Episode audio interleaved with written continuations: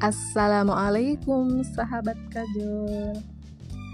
Oke, kita akhirnya masuk ke hmm, kajian kali ini ya. Setelah kita bahas tentang finding the light Kemudian pas dewasa itu pilihan atau enggak atau bukan terus definisi dewasa. Nah sekarang kita mau bahas tentang dewasa ngapain aja ya? Teman-teman kalau kita sudah ikhtilam atau teman-teman perempuan ya kita sama-sama perempuan uh, head saat itulah kita sudah dewasa. Saat itu juga Allah mulai menghitung segala amal perbuatan kita. Makanya nggak bisa kita asal saja ngelakuin aktivitas atau ngelakuin aktivitas just having fun. Balik atau dewasa Artinya, kita dianggap mampu membedakan baik dan buruk secara sadar, mampu memilih jalan selamat, atau terlaknat. Kita telah bertanggung jawab atas perbuatannya dalam masalah pahala dan dosa. Harapannya, kita makin waspada dan enggak sembarangan.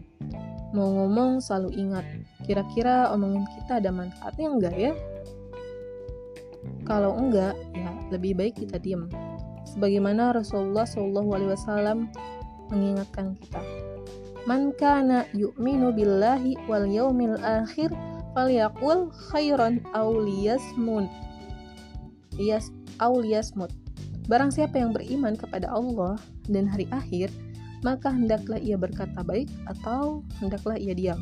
Hadis riwayat Al-Bukhari dan Muslim dan sebaik-baik perkataan adalah dakwah. Dalam Quran surat Fusilat yang bunyinya Bismillahirrahmanirrahim wa man ahsanu qawlan mimman da'a ila Allah mimman da'a ila Allah wa 'amila salihan wa qala innani minal muslimin dan Siapakah yang lebih baik perkataannya daripada orang yang menyuruh kepada Allah dan mengerjakan kebajikan dan berkata sungguh aku termasuk orang-orang muslim yang berserah diri. Itu tadi sedikit contoh ya dari aktivitas kita. Diam saja diatur oleh Islam. Kalau gitu ketika kita sudah dewasa, nggak bisa sembarang beraktivitas. Maksudnya, setiap apa yang kita mau lakukan harus tahu status hukumnya. Kenapa? Karena setiap aktivitas kita akan dimintai pertanggungjawaban oleh Allah semenjak kita balik. Enggak hanya yang terkait dengan diri sendiri ya, tapi juga ketika beraktivitas yang ada hubungannya dengan orang lain. Islam juga mengatur dan nantinya kita bakal dimintai pertanggungjawaban. Contohnya dalam Quran surat An-Nur ayat 59. Bismillahirrahmanirrahim. Wa idza balagha أطفالوا منكم الحلم فليستأذنوا كما استأذن الذين من قبلهم كذلك يبين الله لكم كذا كذلك كذلك يبين الله لكم آياته والله عليم حكيم dan apabila anak-anakmu telah sampai umur balik maka hendaklah mereka meminta izin seperti orang-orang yang sebelum mereka meminta izin Demikianlah Allah menjelaskan ayat-ayatnya, dan Allah maha mengetahui lagi maha bijaksana. Kalau dulu, sebelum balik pas masih kecil, suka slonong boy masuk ke kamar orang tua kita. Tapi setelah dewasa, nggak boleh sembarangan kayak begitu. Dan masih banyak aktivitas lain yang kita mesti mencari tahu status hukumnya. Jadi ya, sekali lagi, balik adalah pembatas seseorang sudah bertanggung jawab atas aktivitasnya dan pada saat balik peranan akal atau pemikiran kita sudah harus difungsikan dengan baik untuk mengingat-ingat apakah perbuatan kita sesuai dengan perintah dan larangan Allah atau enggak. Seperti dalam Quran surat Al-Imran ayat 191 بسم الله الرحمن الرحيم الذين يذكرون الله قياما وقعودا وعلى جنوبهم ويفكرون ويكفك ويتفكرون في خلق السماوات والأرض ربنا ما خلقت هذا بتيلا سبحانك فقنا عذاب النار Orang yang berakal adalah orang-orang yang mengingat yazkuruna atau yazkuruna. Allah sambil berdiri atau duduk atau dalam keadaan berbaring. Dan mereka berpikir yatafakaruna e, berpikir maksudnya yatafakaruna yatafakaruna itu maksudnya berpikir ya. Tentang penciptaan langit dan bumi. Seraya berkata ya Tuhan kami tidakkah engkau menciptakan ini dengan sia-sia? Nah suci engkau, maka peliharalah kami dari siksa neraka akal juga yang telah Allah sebagai uh, sang khalik bedakan pencipta kita dengan hewan atau binatang. Kita sebagai makhluk Allah yang paling baik penciptanya. Kemudian disempurnakan pemberian Allah kepada kita dengan Allah memberi hidayah atau petunjuk kepada kita. Ada beberapa hidayah yang diberikan Allah kepada kita. Di antaranya, yang pertama hidayat al-wujan atau naluri. Kedua, hidayat al-hawas atau indra.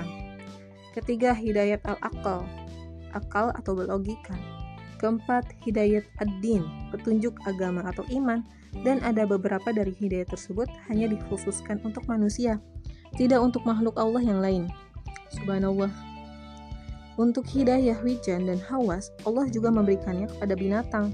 Sehingga ketika seekor binatang mencari makan, mengasuh anaknya, berkelahi, dan sebagainya, itu lebih karena reaksi dari insting atau naluri atau wijan dengan menggunakan kekuatan indera, hawasnya. Seekor gajah yang bisa duduk di kursi dan bermain atraksi sirkus bukan berarti dia menggunakan akal. Karena memang mereka tak memiliki akal.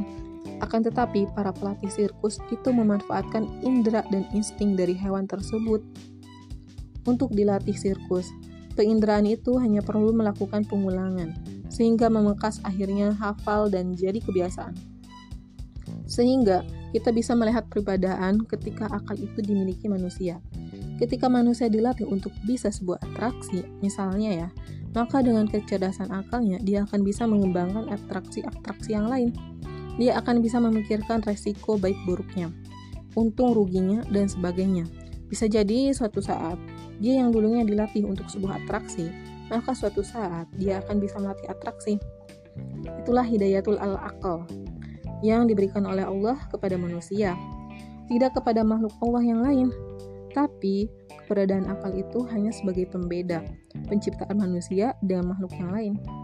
Sebab pada tataran, pada tataran berikutnya, akal tetap tidak mampu menjangkau sesuatu yang di luar jangkauannya, alias akal memiliki keterbatasan seperti akal tidak mampu memikirkan zat yang goib. Sehingga pada masalah goib, turunlah wahyu dari Allah kepada para rasul, di sinilah berlaku hidayah. Allah berupa hidayatul din, petunjuk. Hanya orang-orang yang diberi petunjuk dan yang mau mencari petunjuk saja yang bisa mendapatkan hidayah spesial ini.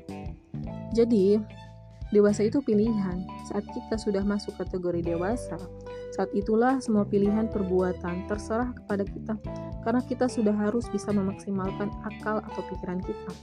Hidayatul akal, terus juga kita sudah disuguhi oleh Allah hidayatul din, tunjuk. Nah, tinggal kita memilih atau enggak dari keduanya.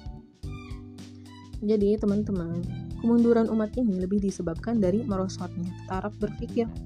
Karenanya, langkah bijaksana tentu saja adalah berupaya bagaimana meningkatkan kembali taraf berpikir umat Islam berusaha memberikan gambaran yang jelas tentang pentingnya Islam bagi kehidupan kaum muslimin. Nggak diragukan lagi bahwa pemikiran adalah senjata utama bagi setiap umat.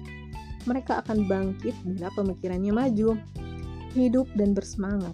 Mereka mundur bila pemikirannya surut, apalagi lenyap. Keberadaan suatu umat akan lestari kalau obor pemikiran terus menyala. Dan musnahnya umat disebabkan karena obor pemikirannya padam. Para sahabat, kaum muslimin generasi dan angkatan pertama menyadari kenyataan ini. Mereka berkata, cahaya dan sinar Islam, cahaya dan sinar iman adalah banyak berpikir. Dalam kitab Ad-Darul Mansur jilid 2 halaman 409. Jadi jelas ya bahwa kebangkitan taraf berpikir akan mampu menumbuhkan kebangkitan di bidang lain.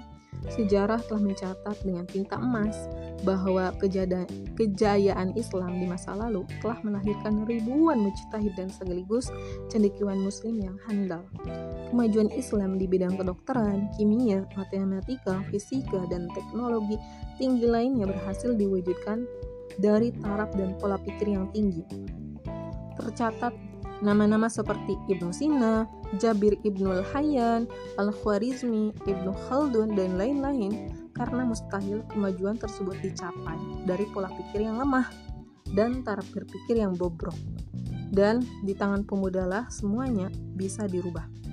Jika pemudanya yang udah balik enggan memaksimalkan akal pikirannya, enggan belajar, maka keengganannya menyebabkan dirinya rusak, bahkan juga bisa merusak orang lain kayaknya kita harus simak syair Imam Syafi'i tentang pemuda. Sesungguhnya gagal mempelajari ilmu karena memusuhinya. Barang siapa belum merasakan pahitnya belajar walau sebentar, ia akan merasakan hinanya kebodohan sepanjang hidupnya. Dan barang siapa ketinggian belajar di masa mudanya, maka bertakdirlah untuknya empat kali karena kematiannya. Demi Allah, hakikat seseorang pemuda adalah dengan ilmu dan takwa. Bila keduanya tidak ada, maka tidak ada anggapan baginya.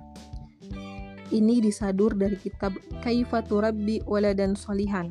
Terjemah, begini seharusnya mendidik anak. Al-Maghribi Al-Maghribi bin As-Sa'id Al-Maghribi Darul Haq Sekian pembahasan tentang definisi dewasa eh tentang dewasa ngapain aja? Nah berarti bab tentang dewasa udah selesai ya teman-teman bisa putar ulang rekaman-rekaman ini. Silahkan. Terima kasih. Wassalamualaikum warahmatullahi wabarakatuh